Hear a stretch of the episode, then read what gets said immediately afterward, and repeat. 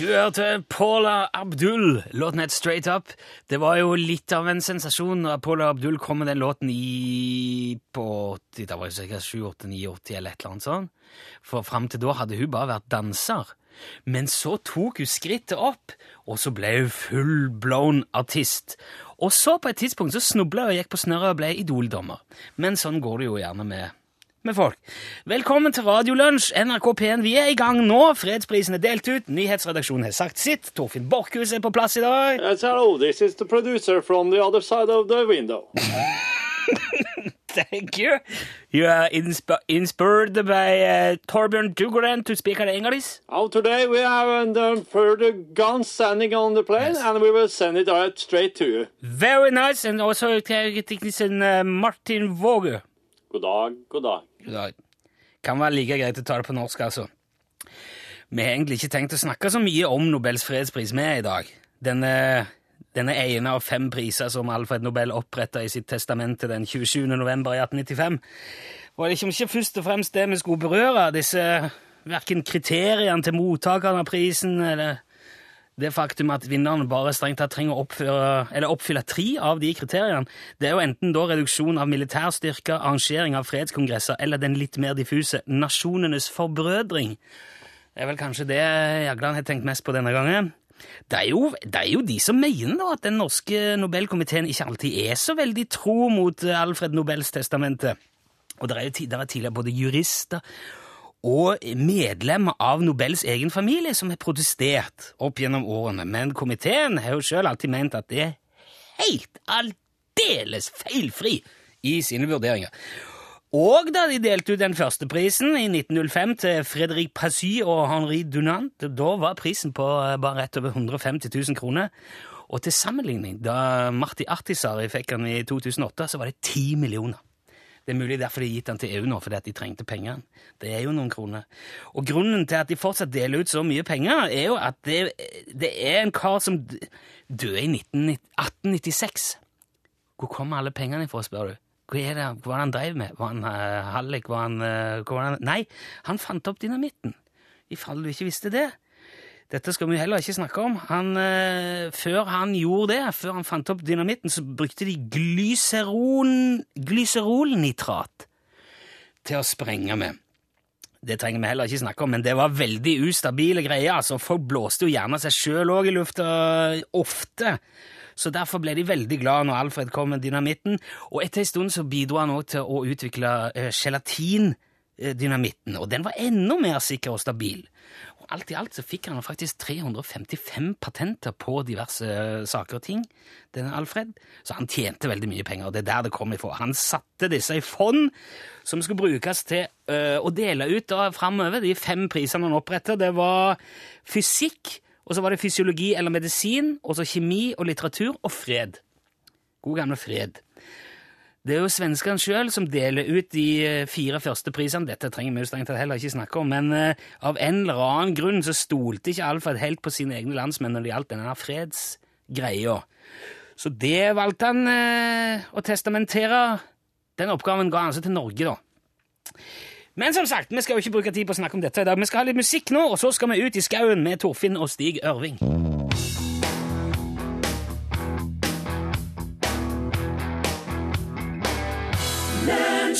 Det var Ila Aute som sang om Fagerborg. Det er jo fint på Fagerborg. Ja, der er det. Der. Har du vært der? Ja, ja, men ofte jeg gikk mye øh, Fagerborg. Ja. Hva er det? Jeg bodde i? Oslo. Ja, ok, det er der, ja. Ja, det ligger ganske midt i. Jeg i. skjønner, ja. Ikke kjent. Ja, da, Jeg hadde gått med burt der. det- Der òg, ja. Ja. Du, uh... Hvis ikke Torfinn ser himmelen, sola og månen, så er det lost. Da er det kjørt. Ja, det er det. Ja. Nei, da er jeg som en kattunge i en svartsekk. Men når du er ute med onkel Stig, Stig Ørving, da vet du hva du holder på med. Da vet, da, da, vet jeg, da vet jeg aldri hva som skjer. Men det er litt viktig å, å på en måte Jeg syns det er viktig å lære litt sånn, for han er litt sånn utdøende rase, føler jeg. Gudskjelov. Iallfall. Eh, i, I går kveld så um, for jeg hjem igjen, og så fikk jeg være med en eh, og lære noen tjuvtriks. Eh, hvis du eh, hvis du skulle hatt litt mat til vinteren, men ikke har fått rupejakt, f.eks. Ja, det var veldig dårlig med rype, er det ikke det? jo? Den ble avlyst veldig mange plasser. Ja. Og det, jeg vet, han Stig syns iallfall det var helt hårreisende. Så han holder på med Han har nå noe sånn slags eget radiokjøkken på gang, da. Å ja, så det er matauk? eh, Eller, altså, ja, eller fang, fangst først og fremst i dag, da. OK, ja, spennende. Ja. Nå, disse, disse dagene her, så er det sikkert mange som lurer på hvordan de skal få til seg mat. For det kan være litt, eh, litt vrient hvis du ikke fikk full klaff på uh. Ja, for det at eh, den ble jo avlyst mange plasser. Ja, og det jeg skal se, få se hva som har gjort noe med. For at eh, jeg har en god del eh, jakttips. Og folk som, eh, og folk som har blitt sittende i nau nå, som ikke får til noe mat. Og at de ikke får til ungene mat, og ikke får til kjerringmat. Og seg sjøl attåt. Da går det fort dårlig. Slik som de gjorde i 99. I, ni, i 1999. Nei, I, I 1899. ja, Hva som skjedde da? da var det sva- svalt dem. Svalt folk i 1899? Ja, i hvert fall her rundt meg. Hvorfor det? Jeg vet ikke. Jeg var bare dårlig med mat. Enn du, da? Du lever jo ikke da. Jo, jeg husker det. Hvordan kan du huske det? Jeg Det var nå bare fordi jeg var der, da. Det er ikke verre enn det. Jeg hadde bra med mat, jeg, men det var verre med de andre. Det var ikke det jeg skulle prate om. Iallfall. Hvis du nå sitter og er midt i og, og sitter og ser på hagla og sitter og ser på fuglehund og tenker at jeg får ikke skutt noe rupe Jeg har ikke noe mat nå. Da skal jeg si det hva skal jeg gjøre. Da skyter du hund. Nei, det kan du ikke gjøre. Jo, det kan du gjøre. Nei, du kan ikke begynne å skyte fuglehund nå, Stig. Men du, Ikke gjør det. Men du kan gjøre det og ete den hvis det står skikkelig galt til. ja, du kan ete en hund, ja. Du, rent teknisk. Men det er, ikke, det er ikke rett å gjøre det. De gjør det i, i andre land. Ja, det er jeg klar over, men det er kulturforskjeller òg, Stig. Det er ikke slik vi gjør det her i Norge. Vi skyter ikke hundene våre og et dem her hjemme på gården bare fordi vi ikke får gå på rupejakt. Ja vel. Jeg har et annet triks, og jeg, dessuten så tulla jeg bare. Det var en vits. Ja, det var det. Det var det. Har du begynt å fortelle vitser nå? Ja, jeg har det. Var den fin, ja? Nei, den var egentlig ikke sånn. For jeg trodde du skulle lære Du trodde lære med og dem som hører på, noe artig om, eh, om å, å finne seg mat på alternativt vis. Ja, nå skal jeg se deg. Hør her nå. Først så går du ut. Så går du ut på planet. Så tar du søppeldunken din. OK, du går ut på plenen, tar søppeldunken. Ja, og så tar du og hiver alt utover. Du kaster, du kaster søpla utover plenen. Ja, og så lar du ta fram ei lita tube med lim. Tar ikke lita tube med lim, og så begynner du å pensle på søpla. Ja, du ha på litt superlim på all søppelet. Og så snur du søppelet på hodet og limer den fast i Så plenen. limer du fast søpla i plena di. Ja, Og, ja, OK, du har hatt på lim, du snur den på hodet at den blir limt fast i plena, og så så har du på lim oppå der igjen, Slik som dette her. Nå har du på lim oppå søpla som du akkurat har limt fast i plena. Hvorfor gjør du dette her? Jo, jeg skal si det. For nå skal oss fange alle disse dyrene som lister seg rundt huset vårt på natta. Og så skal vi ete dem i morgen tidlig. Du skal fange åtseletere med søppel og superlim og ete dem. Ja, Husker du når du fikk servert når du var her i julen? Ja, i fjor i jula, ja. Ja, Da fikk du servert grevling, du. Hæ? Ja, Det er umulig å spy over, for det er jo et år siden, men jeg trodde det var ribbe. Ja, der ser du. Så lik er grevlingen grisen at du kan servere den og si det er ribbe. Men du kan ikke lure folk til, du kan ikke lure folk til å ete, ete ah. Nei, drit i det. Iallfall. Du litt kom att i morgen tidlig, skal vi få se ut på plenen her, for da har jeg fanga både grevling og sjor, og kanskje en røv og en røyskatt. OK. Ja. Jeg får se da om jeg kommer igjen i morgen.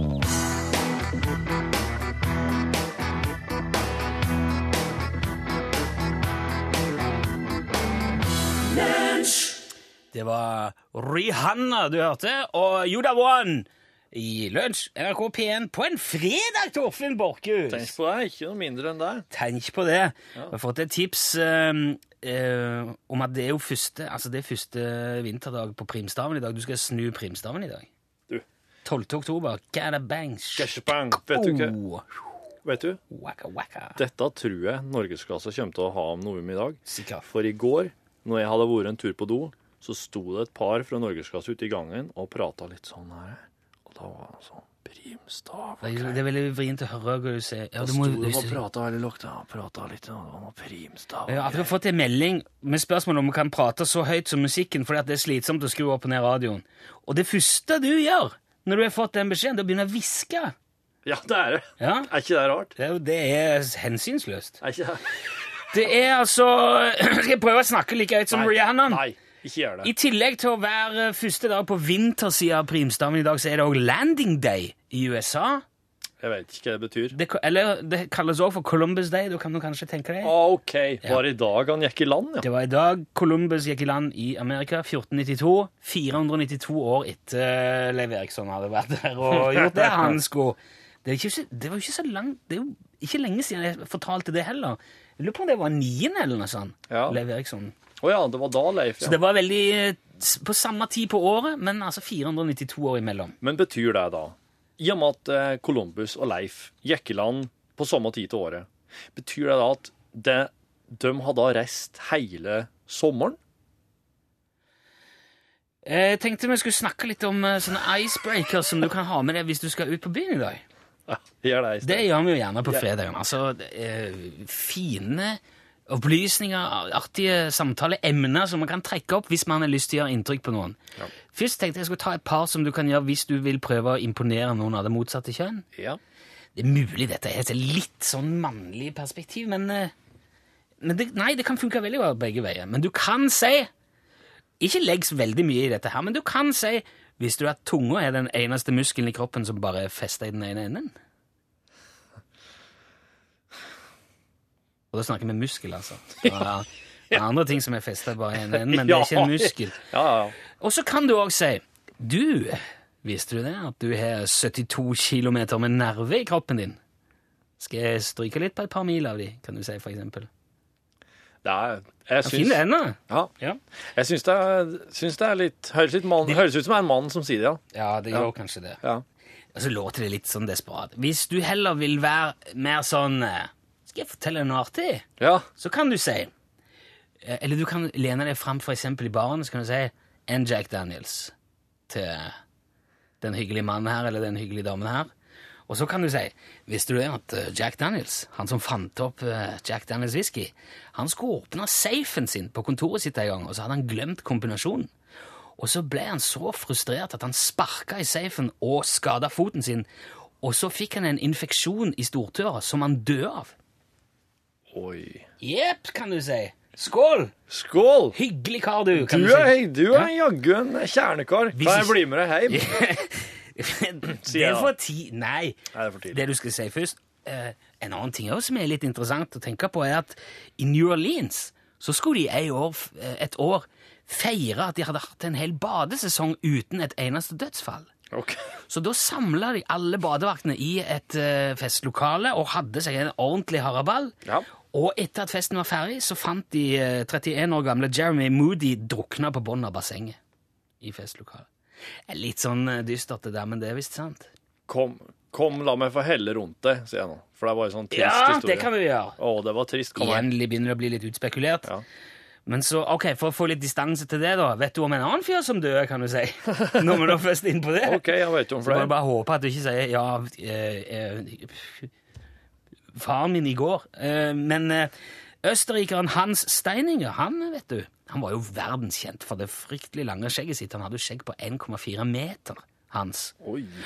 Men så en dag, i 1567, for dette er veldig lenge siden, så måtte han rømme ut av et brennende hus. Og da glemte han i farten å rulle opp eller ta tak i skjegget og holde det Ja. til side. Ja, ja. Så han snubla i skjegget sitt, ramla, brakk nakken. Og da, var, da er det slik han, han knekte nakken og døde. Eh, kan jeg spandere et glass vin til på det, kanskje?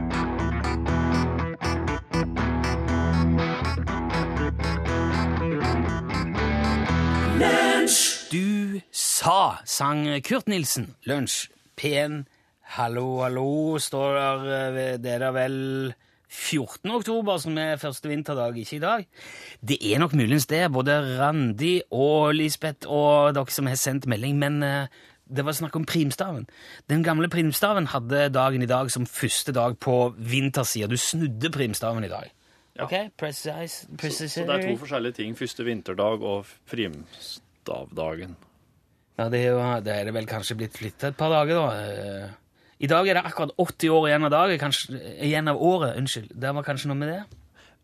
Og så kan jeg i hvert fall være enig med at det er veldig vanskelig å hele primstaven oppdatert, for du må drive og spikke til den. Må du det? Nei, han har satt den. Det står jo fast, det som står, er det ikke det? Ja, det er, det er så vanskelig å forandre drive og spikke om. Ja, ja, det er det. ja. Ja. Så det var enklere. Kan ikke skøyte nå. Ja, jeg det. Eh, Ole har òg en icebreaker, bare. Ja. Vet du hvor mye en isbjørn veier? Nei. Det er nok til å bryte isen. OK. Mhm, Den kan du ta med. Du, jeg har en isbryter til deg. Ja. Trykk på femmeren.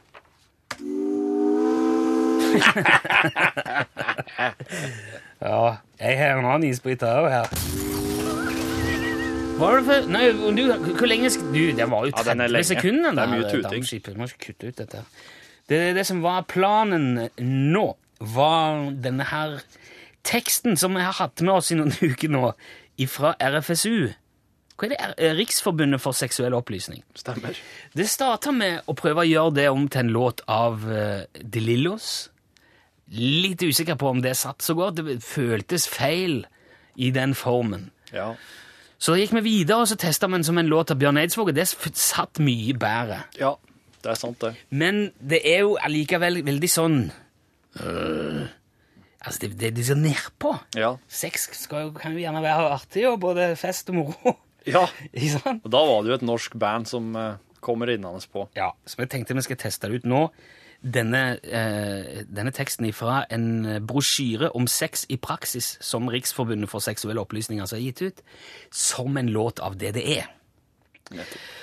Det er jo litt krevende Altså, det er litt vokalt krevende. Hvis du har radioen høyt på, så kan du vurdere å dra den litt ned nå. Jeg tar ikke gå god for dette her. Dette her tror jeg blir den største vokalutfordringa di til nå. ja, Bjørne Brøndbo ak- Det går ikke 13 av han på dusinet. Nei. Det skal en del til å dra det der greiene som han gjør, men uh, vi skal prøve, da. Så Ja. skal vi se om eh, det som i utgangspunktet kan virke som litt sånn traust og kjedelig seksualopplysning, kan bli en fengende fin låt av det det er. Og nå har jeg laga playback i dag, da. Nå får jeg litt, eh, litt eh, klang eller klang. Ja, da da hadde jeg vel hatt bar overkropp, og så hadde jeg sagt OK, folkens, vi skal spille en sang om å kose. En kan ha seks i senga, i sofaen og i dusjen og i bilen og på mange andre spennende plasser. Det kan være utendørs, og kan være utendørs og innendørs på ei strand, i parken eller i vannet. Bare fantasien setter grenser, og bytter opp om miljø, og finn om det går an å sex på forskjellige plasser. Det kan være pirrende og herlig, hvor han har sex en del av sanseopplevelsen, like mye som det fysiske. Ja, det fare før jeg bli oppdaga, er gresset vått og asfalten hard, og bilen for liten, er bilen for liten, og jeg er liten, altså. Kanskje føles det forbudt å ha sex på kontoret, eller i en buss. Gud! Er det å ha sex på offentlig sted? I straffelovens paragraf 201 står det at seksuelt krenkende atferd på offentlig sted kan straffes med bøter eller fengsel inntil et år. Hei, det var tungt, ja. Men du, det der satt, eh, det satt eh, mye bedre, syns jeg. Syns du det? Ja, jeg syns det, Det er spytta, så det er helt vått rundt her. Det var grusomt. det Nå veit du hvorfor Bjarne tar av seg skjorta. Hun blir jo veldig fort blaut. Det var tungt. Respekt, Bjarne, altså. Ja. Ok, det får bli opp til deg å vurdere. Nei, det var jo eh, Det er jo informasjon, og det blir veldig sånn mye på slutten der med de straffelov og paragrafene og alt det der, men uh, ellers så syns jeg det satt fint.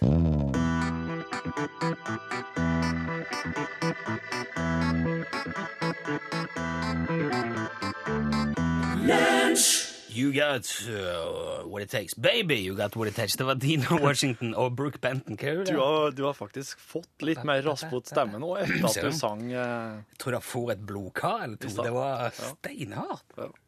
Det... Spesielt en vibratoren er veldig tung. Ja. Du skal jobbe litt med magen for den der. Ja, du skjønner at han Bjarne har et skikkelig apparat. Ja, han er det. Du, Torfinn Borchhus. Ja. Du er jo sjøl blitt tilbudt Nobels fredspris en gang. Ja, Men så takker du nei. ja jeg, vet- jeg, jeg syns ikke Jeg, jeg syns ikke jeg hadde gjort på en måte Jeg var ikke ferdig Ja. med Jeg var ikke ferdig med oppdraget. Hva er det for et oppdrag? Jeg, jeg dreiv med et slags sånn eh, Jeg dreiv med et slags sånn vilt prosjekt om at jeg skulle eh, utvikle et sånn hudfargingsmiddel som skulle gjøre alle, som skulle gjøre alle folk eh, grønn. Åh. Og i den prosessen så ville jeg jo på en måte eliminere hele den her hudfarge... Du skulle, du skulle bare ta rasismebegrepet og fjerne det?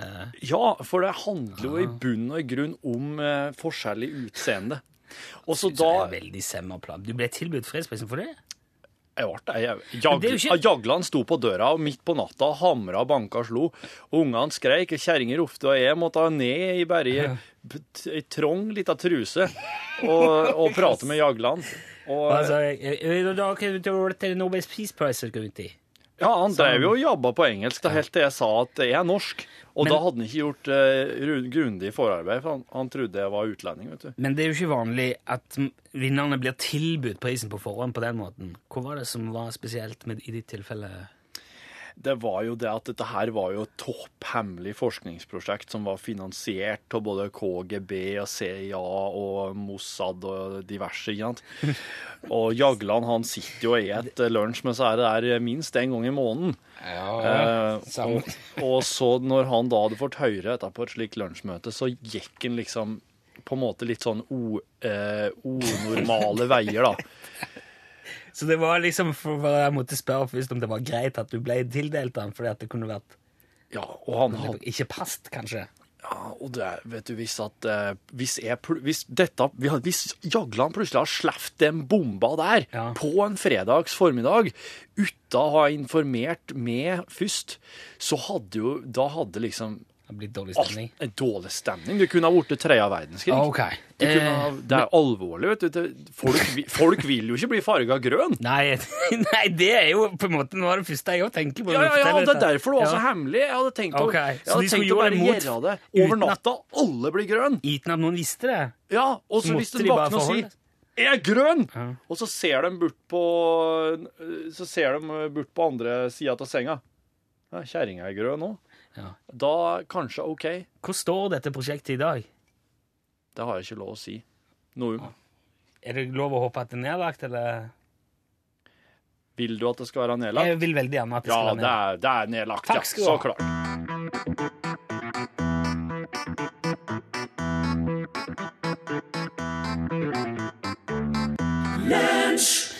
Der sier vi takk ved til Maroon 5 og Payphone, for det er snart på tide å la noen andre fortelle sin historie. Det har kommet veldig mange påpekninger om at på primstaven også, så skal det være den 14. oktober at man snur den, altså. Og vi- vi- jeg har ikke primstav, men eh, nå har jo, det er jo flere som skriver at de har uh, sjekka det på to primstaver. Ja, men altså, Det er 14., så vi får bare sommerhalvåret på primstaven, Ja. det, det er ferdig den 9. oktober. Også når du snur den, så har du da første dagen der er 14. oktober. Så det mangler da dager på Ja, det er jo ikke alle dager som er med, men eh, liksom mellom den 9. Oh, ja, sånn, og 14. for det var altså. merkedager der. Det er ikke 365 hakk. Så du kan på en måte snu den både den 10., 11., den 12. og den 13., da. Men det er den 14. som er den første dagen på vinterhalvåret på Å, staven. så lekkert! Da er det jo et kompromiss på et vis. Ja. vi tar den. Ja. Nå, skal, nå må du ringe hvis du har noe å fortelle. 815 21 031. Du kan vinne en eksklusiv UTS-skyggelue. Utslagsnes Transport og Skarv. Du må fortelle et eller annet som er koselig, artig, eh, interessant, lærerikt, morsomt, hva som helst. Og det er bare å hive seg på telefonen. Førstemann inn kommer inn på radioen. Og vi kan si hallo, hallo. Hallo, hallo. Hei! Hvem har vi med oss i dag? Nå har du Roald som bor i Bergen. Roald. ja. God dagen, Roald. Dagen, god dagen. Hvor er, er det opphold, eller ser det greit ut i dag, Roald? Nydelig dag. Å, så herlig. Fisk. Det er jo ikke sant at det regner hver dag. Nei, det er lite regn i Bergen. Ja, det er lite, ja. Det er jo noen fjell rundt som bidrar, men det er ikke hver dag. Du, Ro eh, hva driver du med, Roald? Sånn Nei, nå er jeg livsnyter. Å, så herlig! ja. Ja. Eh, Men den historien her, den er for så vidt eh, eh, fort fortalt Selv opplevd og sann. Ja, ok. Rundt uh, 59-60. Ja, ok, så litt, litt tilbake. På, på den gangen en øde øy ute i Gulen. Det var eh, ikke landfast med Bergen den gangen der. Ok. Der var det tre pinsevenndamer, og de hadde fått seg bedehus. Tre pinsevenndame. Ja. Ja, ok. Og der var digert sånn stevne med importert gjesteartist fra en menighet på Østlandet. Ja, Og så var det jo stort. Det skjedde noe i bygda, så det var en kar som ikke hadde funnet opp kruttet. Jeg tror han er i live ennå. Arne het han. Eh, En av disse pinsevennene, det var filletanta mi. ok. Hun bodde 100 meter nede fra bedehuset. Arne var jo i bedehuset, for det var jo litt sånn stas å få oppleve noe annet enn å gå og gnugge hjemme. ja, jeg skjønner. Og så hadde de begynt å komme i transe. Oi. Det var jo halleluja og tungetaling, og de angrep nærmest fysisk han karen der. Han Arne der. Ja, de skal frelse ham, vet du. Oh, ja. Ja, ja, med håndspåleggelse. Han ble jo livredd. Stakkar. Jeg var nå gått ut, for jeg visste om galskapen. ja, ok. Jeg var bare og så jeg skjønte faenskapet. Ja. Ja, men eh, så eh, På vei ut så kom han ene predikanten hadde vært nede hos tanta, eller tanta mi og henta ei salmebok eller bibel eller et eller annet hadde jeg glemt. Og jeg nikker nå til han på vei ned, og så kommer Arne springende ut i full fart fra bedehuset. Griper fatt i han predikanten i skjorteklagen og sier Du må faen ikke gå inn der! De er galne alle i hopa!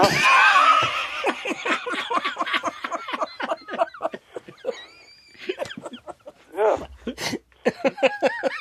Ja, det er tommel opp eh, i vinduet, og her inne er veldig fin Roald, stakkar. Det kan sikkert sette ut de fleste hvis de ikke vet hva de går til. Den var fin. ja, har du tid til en kort icebreaker òg?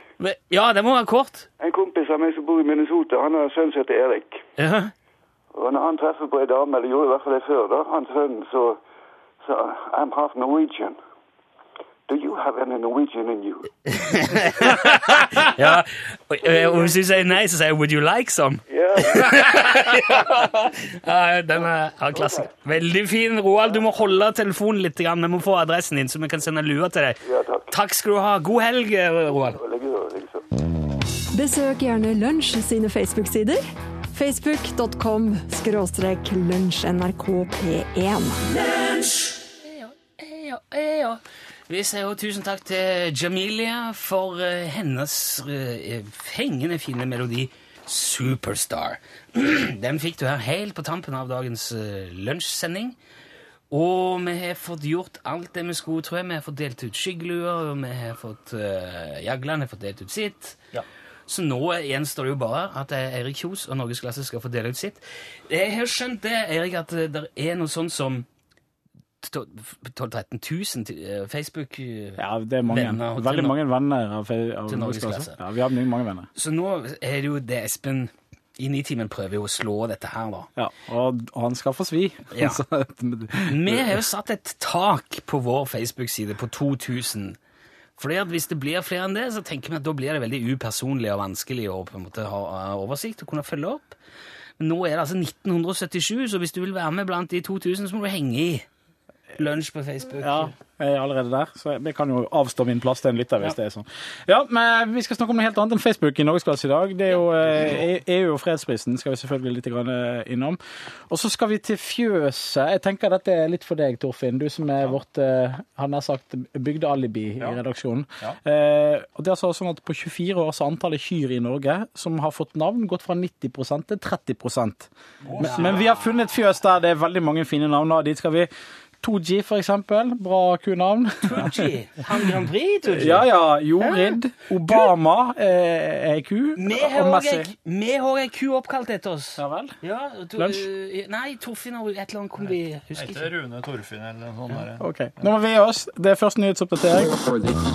Send e-post bokstaven L for lunsj. Krøllav fra nrk.no. Velkommen til podkast for eh, 12. oktober 2012, lunsj. Du har hørt ei litt eh, innskrenka sending. Eh, det var fordi det var nobelprisutdeling i dag. Eh, men det er ikke sikkert Nei, Den var litt kortere, bare så jeg når jeg, når jeg, når jeg ordna til den radiosendinga ute av musikk i stad. Jækla lang bonus, da! ja, det blir det. Og så har en del av skal innom i dag. Vil du begynne? Ja, jeg tenker på det, akkurat nå så jeg tenkte på den der fredsprisen. Jeg, Ja. jeg vet ikke, jeg, altså. Nei. Jeg var innom Ragnhild i norgesklasse. Hun er jo eh, veldig skarp. Ja. Og hun sa det at eh, hun, eh, hun skjønner det der argumentet med EUs rolle under andre verdenskrig og i kjølvannet av.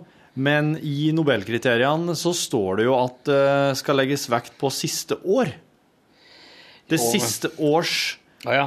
eh, gjerninger.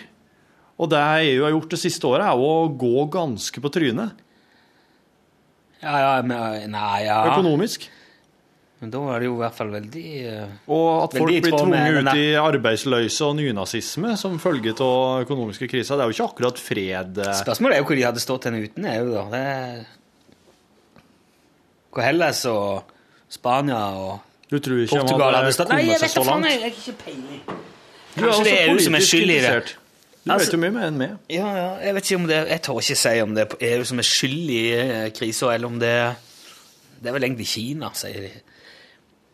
Jeg Hvis de skulle liksom lagt vekt på bare siste års innsats, hvor mange er det som får gjort De har jo ikke gjort det. Han, ikke, han der Grameen Bank hadde jo ikke oppretta alle de der mikrolånene på bare et år. Tror du mor Teresa fikk prisen for det hun hadde bare gjort siste året, eller for en livslang nærmest innsats? Har ikke hun fått den? Jeg Skal du fortelle litt om mor Teresa? Uh, hun er Nei, Jeg har akkurat sett en uh, Ikke for en av det der dokumentar ja, om mor Teresa. om, det, om at hun er fra en annen planet. Nei, er, nei. Nei, nei, det er en, det er en kritisk dokumentar. Altså en, en britisk kritisk, men, men seriøs, men kritisk dokumentar om mor Teresa og det arbeidet hun gjorde for, um, for de fattige og underernærte og døende i India. Det var egentlig eh, Det hun mor Teresa gjorde, var egentlig at hun bare tok og uh, ordna et eh, stort hus der hun kunne presse inn så mange som mulig som eh, var i ferd med å dø, og bare la dem dø. Hun var til den oppfatning at eh, det, var, eh, det var forskjell på folk, og at det var meninga at de som var syke og svake og dårlige, de skulle dø. Så det eneste hun gjorde, var å gi dem en plass der de kunne ligge trangt, trangt, trangt på rekke og rad på madrasser rett på betonggulvet og dø. Det var ikke noe sånn medisinsk Nei, ja, men jeg, jeg vet da faen ikke om jeg hun. Den Kanskje hun, jo, kanskje hun om var mor Teresa er sterkt overdrevet. Ok, Kanskje hun gjorde noe kjempebra siste året, da, siden hun fikk, hvis hun fikk noe bedre. Nei, hun, hun drev dreiv og, hun dreiv og kjærtegna den katolske kyrkja og makthavere over hele verden. Det var det hun gjorde. Det syns jeg er litt rart Eller det syns jeg er så utrolig sånn kleint med at EU får prisen akkurat nå, er det at Torbjørn Jagland er formann i Nobelkomiteen. Og han er generalsekretær i Europarådet. Og han har skrevet bøker som Min europeiske drøm og Ti teser om Norge og EU. Han er så kåt på EU, den mannen. Han er den mest EU-kåte fyren. Han går rundt med en konstant hard-on i buksa på EU Ja. hele tida. Ja. Hans uttalte mål som generalsekretær i Europarådet er å styrke samarbeidet mellom Europarådet og EU. Ja. Og så gir han de Altså, Det er så jævla umusikalsk. Det er så utrolig lite taktfullt og lekkert, syns jeg. Det er, nest, det, det er så Han kunne nesten like gjerne gitt den til seg sjøl. Syns jeg, da. Det blir sikkert neste år, da. Jeg tenker, blir alle Nei, han er jo ferdig nå. Men jeg tenker, blir aldri noensinne de folkene i den komiteen inhabile? Uansett i helvete er de supermennesker. De er nok det. Ja, Det er i hvert fall ikke Torbjørn Jagland. Pardon my French. Eh, For det første så er det umulig å forstå hva han sier. Vi skal ikke holde det imot nå, men eh, han er jo kanskje mest Ja, men jeg syns du, du kledde fint hånd der, Rune. Nå er, står egentlig i mitt hode står Torbjørn Jagland der eh, naken tilbake med det, det blå EU-flagget svøpt sånn halvveis rundt midja og, og ser etter døra ut. Jo, men det er et bra bilde, det, altså. Han er, han er, han er kanskje en av de mest dedikerte EU-tilhengerne i Norge. I hvert fall mest profile- profilerte. Ja. Så det blir litt sånn det litt, Og det er litt dumt da, når man liksom begynner å trekke sånne koblinger i At det går ut over troverdigheten. og Jeg, jeg, jeg liksom tviler på kredibiliteten til hele prisen nå. For han er jo biased. Men var ikke, begynte ikke den eh, kredibiliteten til den prisen å, rakne litt grann for noen år siden? Nei, jeg tenkte på Yasir Arafat òg, jeg. Fikk han. Ja, men han fikk han jo ikke alene. Det var jo liksom Israel og Det skal jo brukes ja, var det Israel og. Palestina han fikk en i lag? Vel? Ja, var det ikke det? Og det er jo det mest idiotiske jeg har hørt noen gang. Jo, men de prøvde jo Da hadde det vært Oslo-samtaler. Prøvde. Prøvde å stimulere til å inspirere de. Prøvde Og, å stimulere til å inspirere. Fy faen, for et jævlig dårlig kriterium. men de, altså, de gjør jo det. Det går jo sånn bølger med den der komiteen. Noen ganger er det kjempefantastisk, og det kommer ei dame som er planta noen trær, så det kan ikke bli bedre. Det er fredsarbeid. Men så er det Obama som driver tre forskjellige kriger rundt forskjellige, i verden, forskjellige plasser i verden. Ja. Han kaller det ikke krig, vet du. Det er det som er greia. Nei, konflikt. Væpna konflikt. Så det tenker jeg en del på. Og så tenker jeg veldig mye på vår påstått samiske venn Jan Olsen. Mm. Fordi at det har vært noen eh, jækla stygge sånne samehetssaker. Den der eh, Spesielt den her i Trondheim. Ja, hun jenta svin som står og tenner på kragen på jakken hennes. Altså, Ja, hun drev og erta henne for dialekter og løfta henne opp og slefte henne ned så hun datt og slo seg. Og mens hun står der og prater med deg, så står det en sånn en pissunge bak og prøvde å tenne, å tenne altså fyr på jakken hennes. Så jeg satt bare rista i stolen der og så det. Ja. Så tenkte jeg, hvordan kan vi gjøre det der? Og da, eh, Jan Olsen sa jo noe om det. Han, eh, så han skulle ganne noen folk sånn at de aldri mer fikk fyr på noen ting. Gjorde det ganske sånn nedstrippa og forsiktig.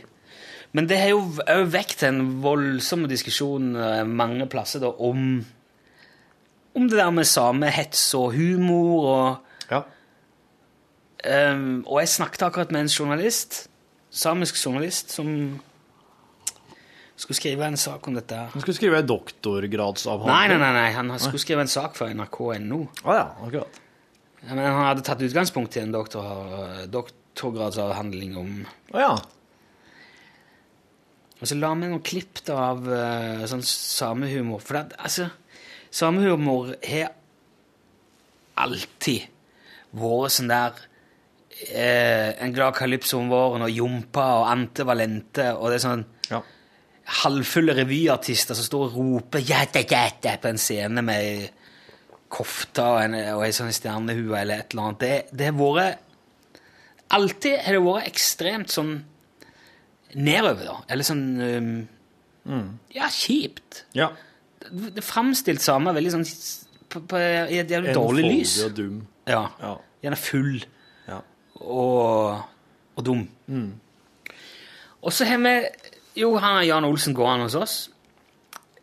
Og det skal vi jo bare innrømme. Det har vært mange diskusjoner om han. Mm. om vi kan gjøre det der, og, og hvordan det vil bli oppfatta. Men så er vi ekstremt opptatt av at Jan Olsen skal være en bra og en, en kul fyr. da. En ressurssterk og Ja, altså, oppegående kar. Han er jo ingen, han er ingen dumming. Og han driver med masse forskjellig. Han har riktignok rein, men, og han er scooter, men han er firehjuling, han er paraglider. Han er, det er ikke måte på. Han driver med ekorn og p- treskjæring og han er jo på propellsko, ja. Og han har vært i verdensrommet, og han har vært konge i Afrika. Det. det handler jo veldig sjeldent tror egentlig knapt det handler noen gang om noe sånn karakteristisk samisk. Nei, men det, det, det, det som er med Jan Olsen, er at han er en eh, ordknapp fyr. Som er en slags sånn eh, En slags nordnorsk zen-buddhist. Som, eh, som ikke sier mer enn han må. Han, han, han svarer på det han blir spurt om, og han har en Han har en Han har en helt annen ord, sånn forhold til ordet og, og, det, og det og prating enn det oss har. Han, han driver ikke bare og skvaldrer i vei om alt som er. Ikke helt Ståle Utslagsnes, nei. Nei. Og han øh, øh, Hva var det jeg skulle hen nå? Men i det at han har vært med på så mye artig og gjort så mye fantastisk kult og spennende, i det at en person med en, som er en ganske ordknapp, skal prate om disse tingene, så oppstår det humor. Ja. Det mener jeg, men det, det er Eller eh, Altså, det kom jeg har jeg har hatt kontakt med mye folk som syns at Jan Olsen er kjempeartig, og samer.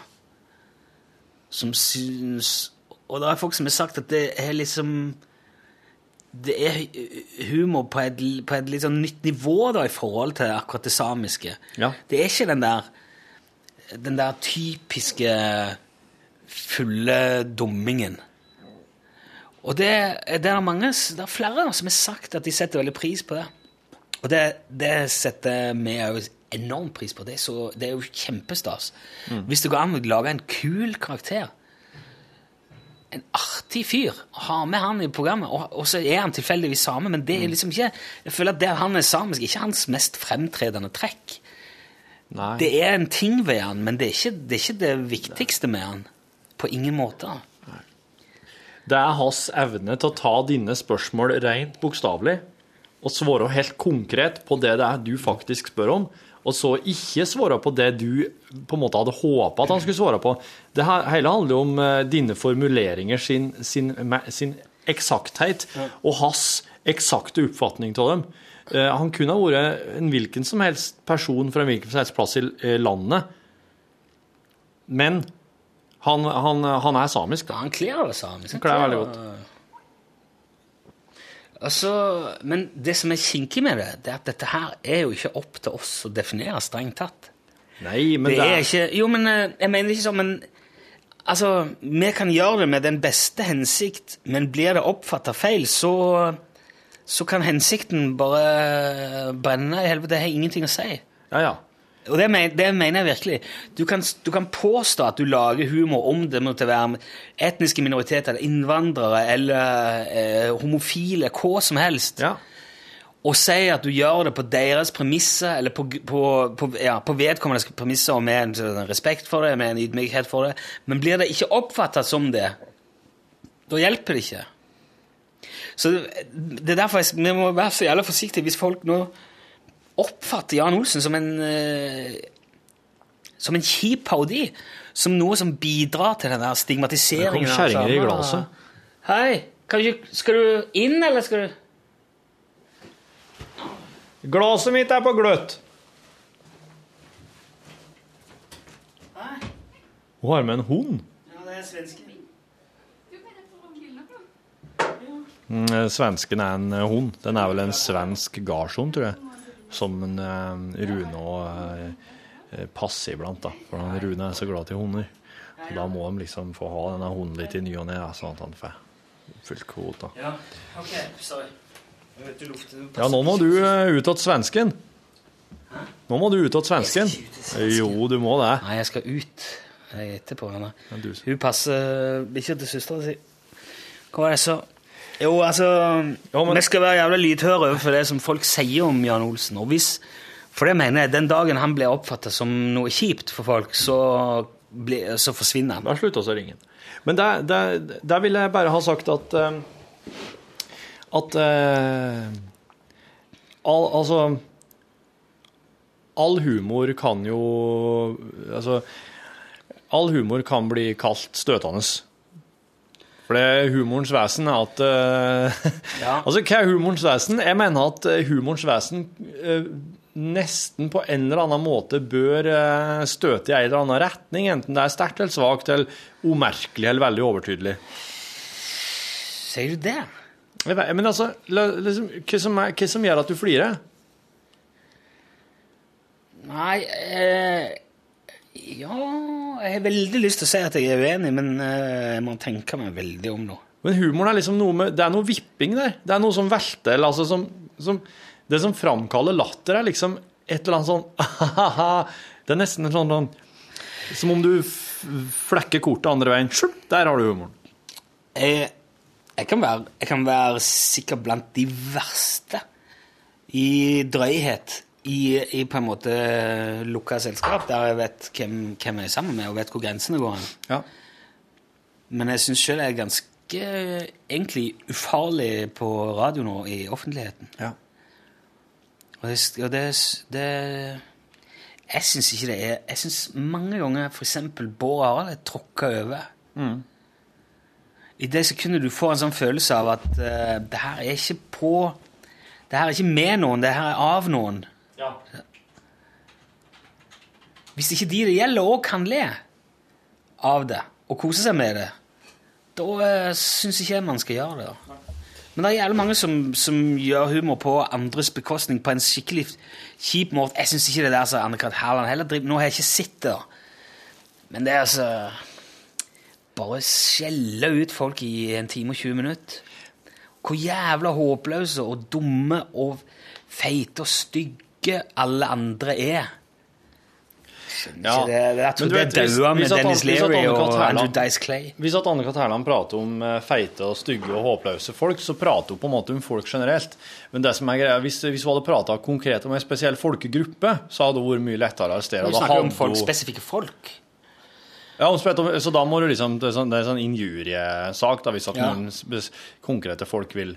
Men, eh, men det at eh, hvis du, hvis du eh, hører noen som lager humor om, eh, om et eller annet, og du syns ikke det er noe artig, så kan du bare drite i det, og så kan vi la være å forholde deg til det. Helsa kan du, hvis du er, hvis du er i det, det lunet, eh, si at nå stigmatiserer dere en hel gruppe, her, fornærmer dere en hel gruppe, og hvorfor gjør det, og sånn. Og det er veldig lett når, hvis, at, hvis, at oss, hvis, at oss, uh, Jan Olsen sier at han er samisk, påstått samisk, og han er sånn og sånn, når vi ringer inn til han, så hvis noen ikke skjønner det eller liker det, så kan de si at nå hetser dere samer. Ja. Jeg fikk en, jeg fikk en melding i Facebook nå om at, eh, om at uh, innslaget om Stig Ørving uh, er, er både fullstendig poengløst, poengløst og mangler eleganse. Og jeg er helt enig, faktisk. Poengløs og mangler eleganse. Ja. Okay. Eh, og at vi må slutte med den fjortishumoren. Eh, og at det beste som har skjedd i lunsj til nå, det var når Sylvi var med. Ja, ok. Men Så- jeg f- må gjerne mene det. Men er det altså slutt med den fjortishumoren? Jeg mener at Mener han da at fjortishumor Fjortishumoren sitt eh, vesen, fremste karakteristikk, er at den er poengløs og mangler eleganse. Jeg syns ikke han var poengløs. Den Stig var ikke poengløs. Den beste Stig Øring vi har hatt, mener jeg. Det er veldig interessant det der med Stig Ørving, for vi har så ekstremt forskjellige måter å gjøre ting på. Ja. Jeg skriver alltid manus, ekstremt eh, detaljert manus på alt. Mens du improviserer det fram liksom underveis. ja. Og det har aldri vært, mer på, aldri vært flere poeng i Stig Ørving, mener jeg. da. Nei. Først skal, skal han skyte hunden. Nei, Ja. det kan han ikke gjøre. Det er en herlig overraskende greie. Ja. Du spiller på et sånn et uh, Tabu. kjempetabu. Ja. Men så kommer det likevel fram at de gjør det jo i Kina. Ok, det er masse å tenke på der, syns jeg. ja. jeg, jeg, jeg. Det satte jeg masse i hodet mitt da, iallfall. Og jeg er ikke eh, fjortis lenger. Men jeg har mine minne Og i tillegg skal ut da etterpå ja, her er et annet typ. Du, Han blir liksom avkledd der, Stig. Han er sånn, ja, ja, ok, ja, men jeg har andre ting òg, jeg, som jeg kan gjøre. Ja. Og så drar han ut og limer søppel fast på plenen. Og sånn at Han lager fast feller til grevling og skjære og rev. Ja, ja, ja. Ja, jeg syns det var storveis. jeg. Er dypt uenig i at det er fjortishumor. Jeg syns det var elegant, og jeg syns det hadde flere Det hadde i hvert fall to veldig fine vendinger. Ja. Og det var um, Det var veldig fint gjort. Og veldig godt lydlagt. Det var opplevelsesradio. Masse fine bilder. Ja, Tusen takk. Ja, det var det. Det var digg. Du kan be han der bare kjøre hodet sitt opp i røda og slå på P2. Ja, men jeg mener Jeg skal, Jeg skal- finne er- en sånn Facebook-vennlig måte å skrive det på. Det går ikke an å ha Det er ingen som har noen fasit på det.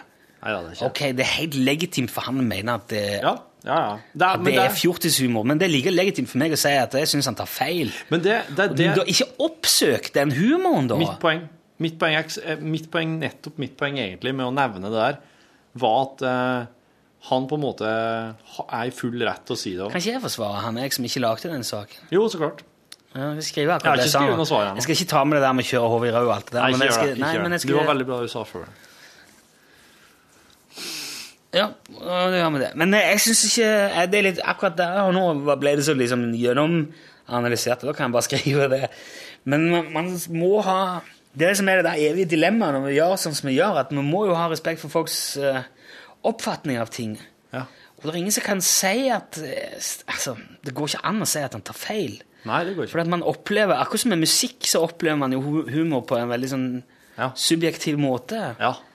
Det, det er med både kulturelt betinger, det er med alder og med erfaring, og hvor du er vokst opp, hvordan du har omgått folk, hva du driver med. ja. Alle er eksklusive. Ja. Men det jeg syns er snodig, det er at, at eh, det er, en liksom gjeng, da, en slags kategori folk, som insisterer på at alt skal endres og tilpasses deg. Det er Musikkanmelderens eh, natur òg, det. Så hører jeg plate som ja, dette var ikke godt nok Nei, jeg vil mer, eh, jeg vil ha mindre kor, jeg vil ikke ha så overdådig arrangement. Det er for mye bruk av eh, modulering og billige triks. Jeg liker ikke synttrommene. Som om, som om vedkommende skulle sitte på en eller annen jævla bruksanvisning. Ja, men det er ikke sånn det fungerer, ser du. Hvis du ikke liker ei plate, så gå ut og kjøp ei annen ei heller. Herre min hatt. Derfor er det, det er derfor jeg mener musikkanmeldelser har egentlig ingen verdi. Det er bare det eneste det har verdi for, det skaper en sånn polarisering, en sånn tilhørighet. Og det er litt det samme som vi ser med, med de som liker programmet vi lager, og de som hater programmet vi lager. De elsker jo å enten elske det, eller så elsker de å hate det. Ja. Og man setter gjerne ting opp mot hverandre. For, for mange så vil vi være en slags billig radioresepsjon-kopi. Som prøver liksom å være Å ja, de prøver å være like- artige som Radioresepsjonen. De får det faen ikke til. Istedenfor å høre på det med litt andre øyne og se om det har noen kvaliteter som de kanskje setter pris på, og se på det som to forskjellige ting. da. Og hvis de ikke setter pris på det, så bare drit i å høre på det. Gjør noe annet. Gå ut i sola. Gå ut i sola, gjør det du liker best. Gå, ta, grip anledninga til å gjøre noe du elsker. ble veldig eksistensielt nå. Dette her er utrolig kult, og samtidig er det jæklig vanskelig, for at man kan ikke, det fins ikke noe Vi har ikke fått utdelt noen bruksanvisning, vi heller til å lage det her programmet. Men det som er helt sikkert, er at hvis ikke vi prøver å gjøre det som vi føler for, og det som vi har fot for, Ja.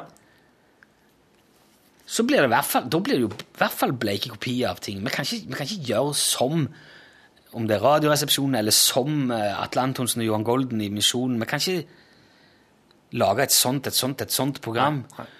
Når du lager I hvert fall ikke når du lager sånn humor på denne vis. Det må jo bare være det vi vil. Og hvis du ikke liker det, nei vel, get out of the kitchen. Jeg har lyst til å lese opp en limerick også, som sto i den samme tilbakemeldinga, som mente at det var eh, poengløst og oh. uelegant. For at han, eh, han som skrev det inn, ville dedikere en limerick åt meg. Eh, Den går slik. Det var en gutt ifra Lesja som hadde så vondt når han bæsja.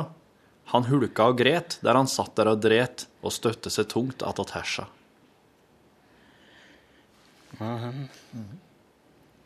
Var det, hva var det et eksempel? Skulle det si noe om deg, eller? Ja, jeg tror det. Det var i hvert fall fjortislimerick. Eller var det et eksempel på humor som fungerer, eller var det Veldig vanskelig å Det var Han Jeg ta med en limerick som Han Torfinn vil jeg dedikere en limerick til som illustrerer hva jeg mener nivået er. Ah, ja, ok. Ja.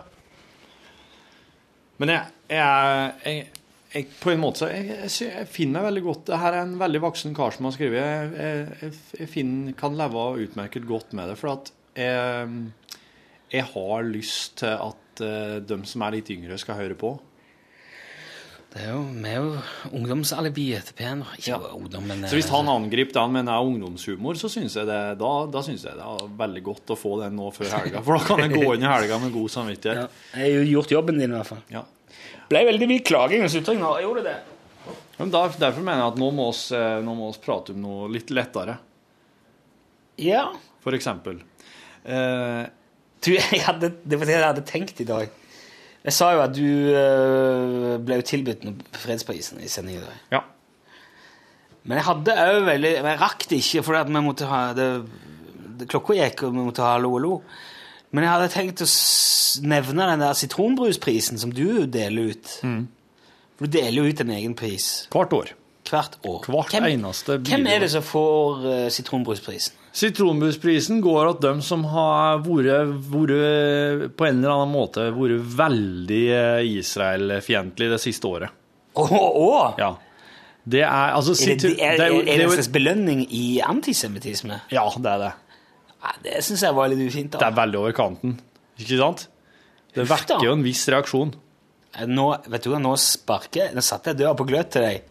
Sånn at du skulle si ikke antisemittisme, nei, nei, nei, ikke jødehat, Neida. men Israel-politisk fiendtlige. Men du gjorde ikke det. Nei da. Den, Faen, nå er du på så tynn is! Den, eh, den er jo Dette der er så lite. Den er jo der for å erte altså for De som har erta jødene skikkelig det siste året, de får sitronbrusprisen. De som har vært stygge ved jødene, og de som har drevet med jødehat, de får sitronbrusprisen. Men det er ikke en god pris å få. Ok, Det er som å få sånn- ukas kaktus. Ja, ok. Så det er en minuspris. Det er en minuspris. minuspris. jeg, er veldig, jeg ble veldig glad for at du sa det nå. Å ja, nei, du trodde det var en sånn Ja, utmerkelse? ja, jeg så for meg at det var en utmerkelse. Nei da, det er ikke det. Nei, det er, det er sånn uh, Rett og slett Det har vært så det har vært så mye jødehat og så mye kjefting og smelling og, på jødene som gruppe og, og sånne ting. Jeg satt her om dagen og tenkte sånn åh, tenk på alle så her, tenk på alle så fine folkene som bare lever sine liv og holder på med sitt nedi der, og som bare av noen sånne få personer som stikker seg ut, blir ti over en kam. Ja. Og bare sånne Disse herre som Det er et ekstremt eksempel på det. Da, nå skulle du, ja, må finne på noe artig. Ja, Da begynner vi å snakke om jødehat heller. Ja, men det er den eh, Det, det er eh, Jeg har jo etter hvert lært flere jøder å kjenne, og jeg setter jo veldig pris på dem. Jeg de er jo veldig Jeg vil eh, gå så langt som å kalle dem gode venner, enkelte av dem. Og, og, da, og da har jeg liksom fått en sånn Når du først begynner å blir kjent med en jøde Ja, skulle ikke være det? Hæ? Ja, Hvorfor i all verden skulle det ikke være det? Skulle det ikke være hva da? Gode venner? Ja, det er jo litt sånn at det er jo ikke alle du kan kalle gode venner, men nå vil jeg si at jeg, jeg vil gå så langt som å si det nå. Vi må i hvert fall ei. Ja. Ja. Og da, og da har jeg på en måte Når du først blir kjent med noen, så så kan du begynne å liksom ta inn over deg hva, fælt det egentlig er hvis det er noen som driver med et hat mot den her, her personen, som en sånn sekkebetegnelse. Hvis, eh, hvis uh, Folldøla hadde det, hadde det ryktet. Rykte. Ja, hvis, dere, hvis, du, hvis alle fra Folldal hadde et dårlig rykte og sier at Folldøla det er skum av de gjør, altså. Ja, ja, ja. Det er drittsekker alt sammen. Ja, ja, ja. De svindler, og de bedrar, Ja. og de tar ikke fem øre for å stikke deg i ryggen. Nei, nei. Alle fra Folldal gjør Ja, det. ja. De er noen jævler. ja. Det hadde ikke vært Ikke vært helt feil. Nå kommer vi kommer inn på den der bølgen. Husker jeg bølgen? Ja. Så du bølgen på skolen? Sk Filmen, ja. Ja. ja. skolefilm, ja. Men jeg husker ikke hvem det var de retta seg mot. Tror du Det har jo gjort sånne Hva er det der eksperimentet? De dro Ja. De satte en gjeng med bare studenter eller et eller annet sånn Mm. til hvert, eh, De skulle liksom simulere et fengsel. Noen var innsatt, og noen var voktere. Mm. De delte i hvert fall opp i grupper. Og det utarta seg så til de grader at de måtte stoppe det, for Mm. det var fare for liv og helse. Ja. Det er litt sånn med disse her folkene som du, du kan gi litt støt ikke sant? og få Men- penger. Men tror du Ja. Hvordan tror du du hadde håndtert en sånn en? Hvis du, var fange, hvis du ble satt til å være fangevokter i det der eh, eksperimentet der? Jeg tror, Kla- Klarer du å kjenne at det er er jo- en liten mørk krok i deg som hadde omfavnet det og benyttet anledningen til å virkelig tyne noen? nei, det klarer jeg ikke å kjenne, men jeg har jo vært fangevokter eh, i militæret. Jeg er jo militærpoliti når jeg i, Ah. eh, når jeg er i Heimevernet og sånn. Og så har jo fangetjenest. Ja. Det er, der er det Genévekonvensjoner, altså. ja. Ja, ja, ja. Du må forholde deg til lover og regler og føringer på hvordan du skal behandle ja en ting er hva du må, men eh, Du mener hvis det nå hadde på en måte blitt helt flat struktur, og at det bare De- hadde blitt sånn Mad Ja, Max-tilstander, ja, og jeg hadde fått ikke- ansvar for et fengsel De der i det der eh, eksperimentet fikk jo ikke heller beskjed om å gjøre som de ville. De hadde vel en oppgave, etter som jeg forsto. Ja. Altså, de skulle jo, men det bare, det bare utarta seg. Det gikk jo over alle grenser, liksom. Ja. Altså at de begynte å mishandle fra- en annen, da. Ja, og de nekta de mat. Jeg kan ikke huske, jeg skal lese den opp på det igjen. For nå husker jeg ikke detaljene. Det er lenge siden. Jeg hadde ikke kunnet fått meg til å, å torturere noen heller, og, og gjøre noen noe sånt. Du tror ikke det? Nei. Det, nei. Det, men men jeg kan aldri jeg kan jo aldri, si aldri. Det er noe med den der eh, tj, Vi klarer ikke å være artige i dag. Det blir bare seriøst. Men det er for da Guttungen min var på håndballskole Ja. nå i høstferien. ja. Kjempeopplegg, tenker vi. Ja, der kan jo han Da, da kan være der og holde på med noe kult. Og det blir ikke liksom For vi må jo jobbe. Både jeg og kona må jobbe. Ja. Så det er jo alltid et dilemma med den der forbanna potetferien. ja. Håndballskole, supert. Så drar han på håndballskole. Det, han er tøff, altså. Tøffere enn jeg var da jeg var ni år. ja. Kjenner ingen der. Nei. Fi, over 400 unger fra hele byen Ja. I Trondheim Spektrum skal Ja. på håndballskole. Ja. Og han bare tror Jeg hadde stritta altså. Jeg hadde ikke takla det. Jeg hadde aldri tålt det. Nei. Ja, ja, han rett inn der, da. Og så gikk det veldig fint første dagen, og så kom den andre dagen, ja, og så skulle de på Først i Pirbadet og bada, og så skulle de på kino etterpå. Ja. Og så ser han når jeg henter han at eh, ja, i dag var det ikke så kult. Å, ser du det? Så kommer det fram da, sånn, litt, er ikke sånn, jeg må ofte trekke litt og grave, grave litt. Ja. Men det er altså en gjeng da, med litt større unger, som er sånn kanskje 7. og 8. klasse, ja. som er bare tasset rundt der nede og vært ja, jævla da. Jaha. Først var det i Pirbadet, da eh, tok de svømmebrillene så heiv på, på på fem meter. Fikk Ja. de ikke opp. Nei. Ok, lost uh, svømmebriller. Der så river de av hodet på han og hiver de uti. Ja. Og så er de sannsynligvis blinka seg ut, han enten fordi at han er alene der, eller et eller annet. da. Aha. Han er vel vært et, et offer. Aldri vært sammen med mer enn en annen, kanskje. Han er liksom vært Ja. Så kommer de på kino, står de i køen, og der tar de liksom, napper hundrelappen hans ut av neven og kaster den liksom sånn over hodet på han. Ender opp med han bare går på gulvet, så må han gå og hente han. Ja. Kommer de inn i kinoen, så sparker de over popkornet hans og slenger brusen hans på gulvet. Ok. Det er fuckings mobbing, da. Ja. Og når han forteller at jeg blir så Herregud, så det kokte. ja, det skjønner jeg godt.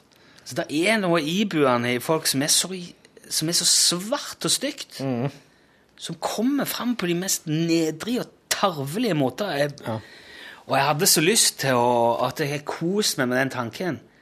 At jeg skulle ringe Are og spørre kan du ta sendinger på, på torsdag. Jeg skulle bare gå ned i den hallen og så bare være sånn undercover. Bare fylle han, skal se når det der jævla kom. Ja, ja. Så- Da. det kunne fort blitt stygt. Ja, det kunne blitt jævlig stygt, men eh, jeg måtte lagt en god plan, og jeg tenkte på mye forskjellig.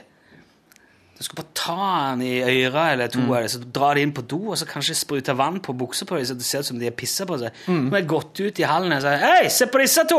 Pissa rett i buksa, jævla ungene! Du kunne, du kunne drive meg inn på dass, så kunne jeg stått der med full blære og pissa på buksene. At det hadde lufta Og så, og så tenker jeg liksom på alt det der jeg skulle gjøre med de der forbanna svinene av noen unger. Og så akkurat når jeg liksom er midt i den verste liksom hevnen, Mm. Så tenker jeg nå er jeg deg. Ja, nå er du det. Der ble det Og så strander det, da. Så da er det jo jeg må være så jækla smart og Så står Forstand. Gandhi der på en sky og sier no, no, no, no, no. Ja, ja, ja. Turn the other cheek. Yes. Det er liksom eh, refleksjonens forbannelse, det der. Han skulle bare handla i affekt. Der og da, når du tenkte tanken, skulle bare sprunget. Men hvordan kunne man gjort det, da? For altså Hvis vi skal liksom uh, tro at vi er så mye mer reflekterte og smarte og ser dette her uh, aberen her, hvordan skulle vi gjort det, da? Hvordan ville du fått de ungene der til å innse hvor utrolig kjipt det er å være i andre enden av det de gjør, uten å liksom synke til samme nivå? Jeg, hadde Jeg tror jeg hadde måttet prata mer om en og en. Ikke sikker på hvordan jeg skulle gjort det.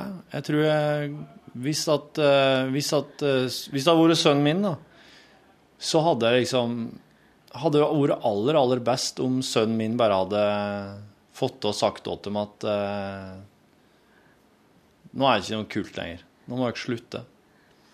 Jeg tok Mac-en til guttungen ei uke fordi han mobba søster en gang. Det hjalp, det. ja. Det er litt sånn vanskelig det her med hvis du prater til dem, hvis du prater til mobberne, prøver å prate til dem, eller prater til foreldrene, at foreldrene skal prate med dem, så, så får de det for seg at de har blitt sladra på og tysta på, og da kan det bli bare enda verre igjen. Så det beste hadde jo vært en slags, eh, en slags at de har fått seg en vekker i, i, i form av en, en sånn uventa ting som de ikke hadde skjønt hadde vært på en måte planlagt eh, som en slags vekker. At det bare hadde noe som hadde skjedd, eller at de ble utsatt for noe som, som fikk dem til å se det i perspektiv. Fikk dem til å skjønne hva, hva dumt og hva slemt det var der de gjorde. Ja. Men jeg vet at sønnen min i barnehagen, han, eh, han hadde litt sånn, eh, litt sånn problemer med, å, med at det var det er liksom, sånn I barnehagen så er det veldig fort gjort at du blir Noen bare kommer og tar ting fra deg. Sånn, Ja. nå tar jeg det. Og sønnen min, han, han, eh, han gjorde ikke noe sånn Han var ikke sånn som tok hevn eller kom og tok det Og da tok de bare det, da. Og så må han finne på noe annet. Ja, ja. Så det, han var litt sånn typisk sånn Men i barnehagen Unnskyld. I barnehagen har jeg inntrykk av at det ligger oftest ikke noe sånn veldig tanke bak. Man gjør det ikke, De ungene gjør det ikke for å være jævlig, de gjør det fordi at de har lyst på den lastebilen. Og så er det ikke kommet dit hen at de reflekterer over Ja, nei, At men, blir lei seg, men liksom. poenget mitt er at når, eh, når han da, eh, etter at dette her har skjedd noen gang, at, eh, eh, at han bare har liksom funnet seg i det, så plutselig en dag i en sånn samlingsstund, så sitter jo alle sammen der i ring, og så driver de og går ut på gulvet og holder på med noen trommer og litt sånn forskjellig. De prøver seg på rytme og sånn. Så er det noen som bare kommer og tar eh, trommestikkene ut av hendene på han. Og da Nei! Plutselig. Det der er ikke lov! Sier han. sier sønnen min. Sånn kan du ikke gjøre! Og da snudde hele greia fullstendig. Altså, da fikk, eh, som hun eh, førskolelæreren forklarte til meg i ettertid, der fikk eh, den som gjorde det, sånn alvorlig sånn Oi. Det er sånn Det fikk perspektiv. Ja. Og sønnen min, akkurat som at han vokste 10 cm, og sa ifra om at det her, her er ikke greit. Det er på et annet nivå, da. Ja. De, eh, Men de har ja, nok ikke noe jo- mål og mening bak dem Nei, eh, de- du prater om heller. Det, det er Jo, bare de sånt som skjer i det er- grupper. De vet Ja. at det de gjør, er galt. Ja, at det er vet de. kjipt. Det vet de. Og de gjør det med overlegg. Og når de, det forklarte guttungen til meg da, at når, når noen sa det, og noen liksom påpekte det, og sa ifra til noen voksne, så tar de bare på seg Nei, vi har ikke gjort noe. Herregud. Mm. Faen, sier det er ikke sant. bare denial, denial, denial. I wasn't there, I wasn't there. It wasn't me. Mm. Jævla shaggy. eh. Det høres ut som han, eh, han eh, sønnen hans Bjarte. Han Så de er bare i stand til å liksom vurdere Ja, Sola Bjørn. Ja. Han Hva heter han? Spencer. Spencer. Ja, de vet hva de gjør, og de er i stand til å lyge om det etterpå. Så da, det, da sitter det inni der en plass, vet du. Faenskapen. Jeg lurer på hvor det oppstår inne. Men det er jo klassisk det der Hvis det der hadde vært i en film, da, så hadde sønnen din hatt en storebror igjen. Som kunne ha kommet. Jeg synes det var mye kulere hvis han hadde klart det. Tenk hvis han hadde snudd seg rundt, da. Ja. Guttungen og sier Hei, hvorfor gjør du det der? Hvorfor er du så utrolig kjip? Du kommer til å ende opp eh, på trygd alene i en bitte, bitte liten leilighet langt utenfor byen. Med en, med, en, med en rullings i kjeften og en tom, halvtom kaffekopp Ja, i jeg- joggedress. Og ei katte som gir faen. Ja. Ikke den kommer til å bry seg om. Den kommer til å pisse i fanget ditt, den katten.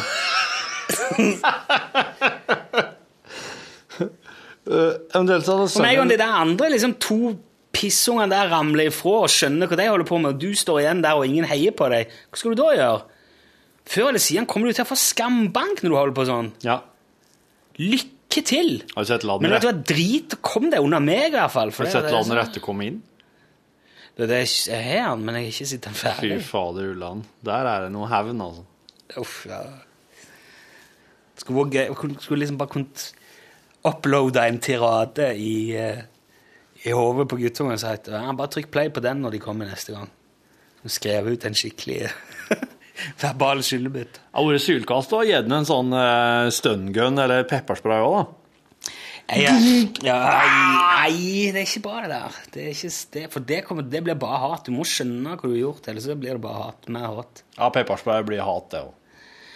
Eh, jeg, jeg, jeg, jeg, liksom aldri jeg, har aldri slåss. Jeg har fått en på kjeften én gang. For dette misbedømte en situasjon ganske grovt. Å ja, OK, nå vil jeg høre. Nei, Jeg bare sprang etter en fyr som jeg trodde jeg hadde et bedre forhold til enn jeg hadde. Så dunka han hardt i ryggen og sa hei! Og han syntes ikke det var noe artig, så han slo meg ned. Jeg var på dans på Orre. Han gikk i klassen over meg på elektro. Han hadde ingen humor på det jeg gjorde. Du dunka han altså ikke skikkelig hardt, eller? Ja, jeg var, den var nok ganske hardt. Jeg var ganske, ganske på en snurr. Ja. Så snudde han seg utover. Og da skulle jo alle som jeg var der sammen med hele Egersund, skulle jo banke hele året, da. Så jeg måtte bare dra til slutt. Men jeg, jeg har alltid vært nødt til å snakke meg ut av ting, for at jeg er ikke jeg, slåss. Det er jo Hvis noen ville banke meg, så hadde de bare gjort det. Og det hadde ikke vært mye arbeid for dem. Men jeg var, jeg var, jeg var sånn, jeg heiv meg gjerne inn i så Gikk midt imellom slåsskamper. Så hva er det dere holder på med? Ja. Tenk deg du var USA når du var Russland. Og så hadde dere begynt å gå løs på hverandre. Så hadde du funnet fram dine atomvåpen, og du funnet fram dine, og så har det gått utover alle andre. Brukte du Russland Masse humor og- USA-bilde på fulle folk på fest som skulle slåss? Ja, på torvet. Jeg husker en gang jeg gjorde det, spesielt en gang, og det ble så artig etter hvert. Og vi gikk liksom i en gjeng, alle mann. Jeg følte meg som en sånn uh, fredsmegler fra himmelen den kvelden der. For jeg brøt opp en slåsskamp og fikk alle til å le. Du, Ja, du, er det artigste jeg har vært med på. det der skulle Jagland ha eh, sett, altså. Han hadde ikke forstått hva vi sa. Nei. Nei.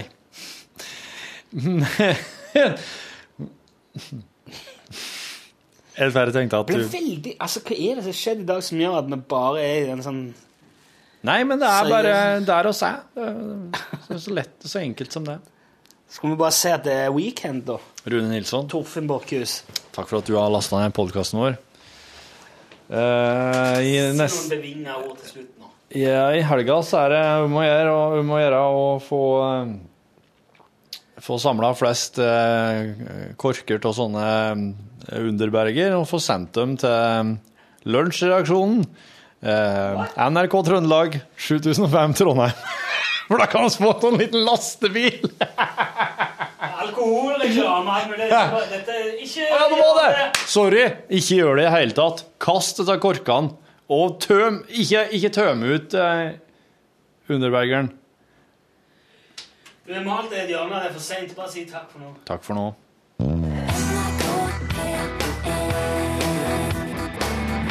Lunch.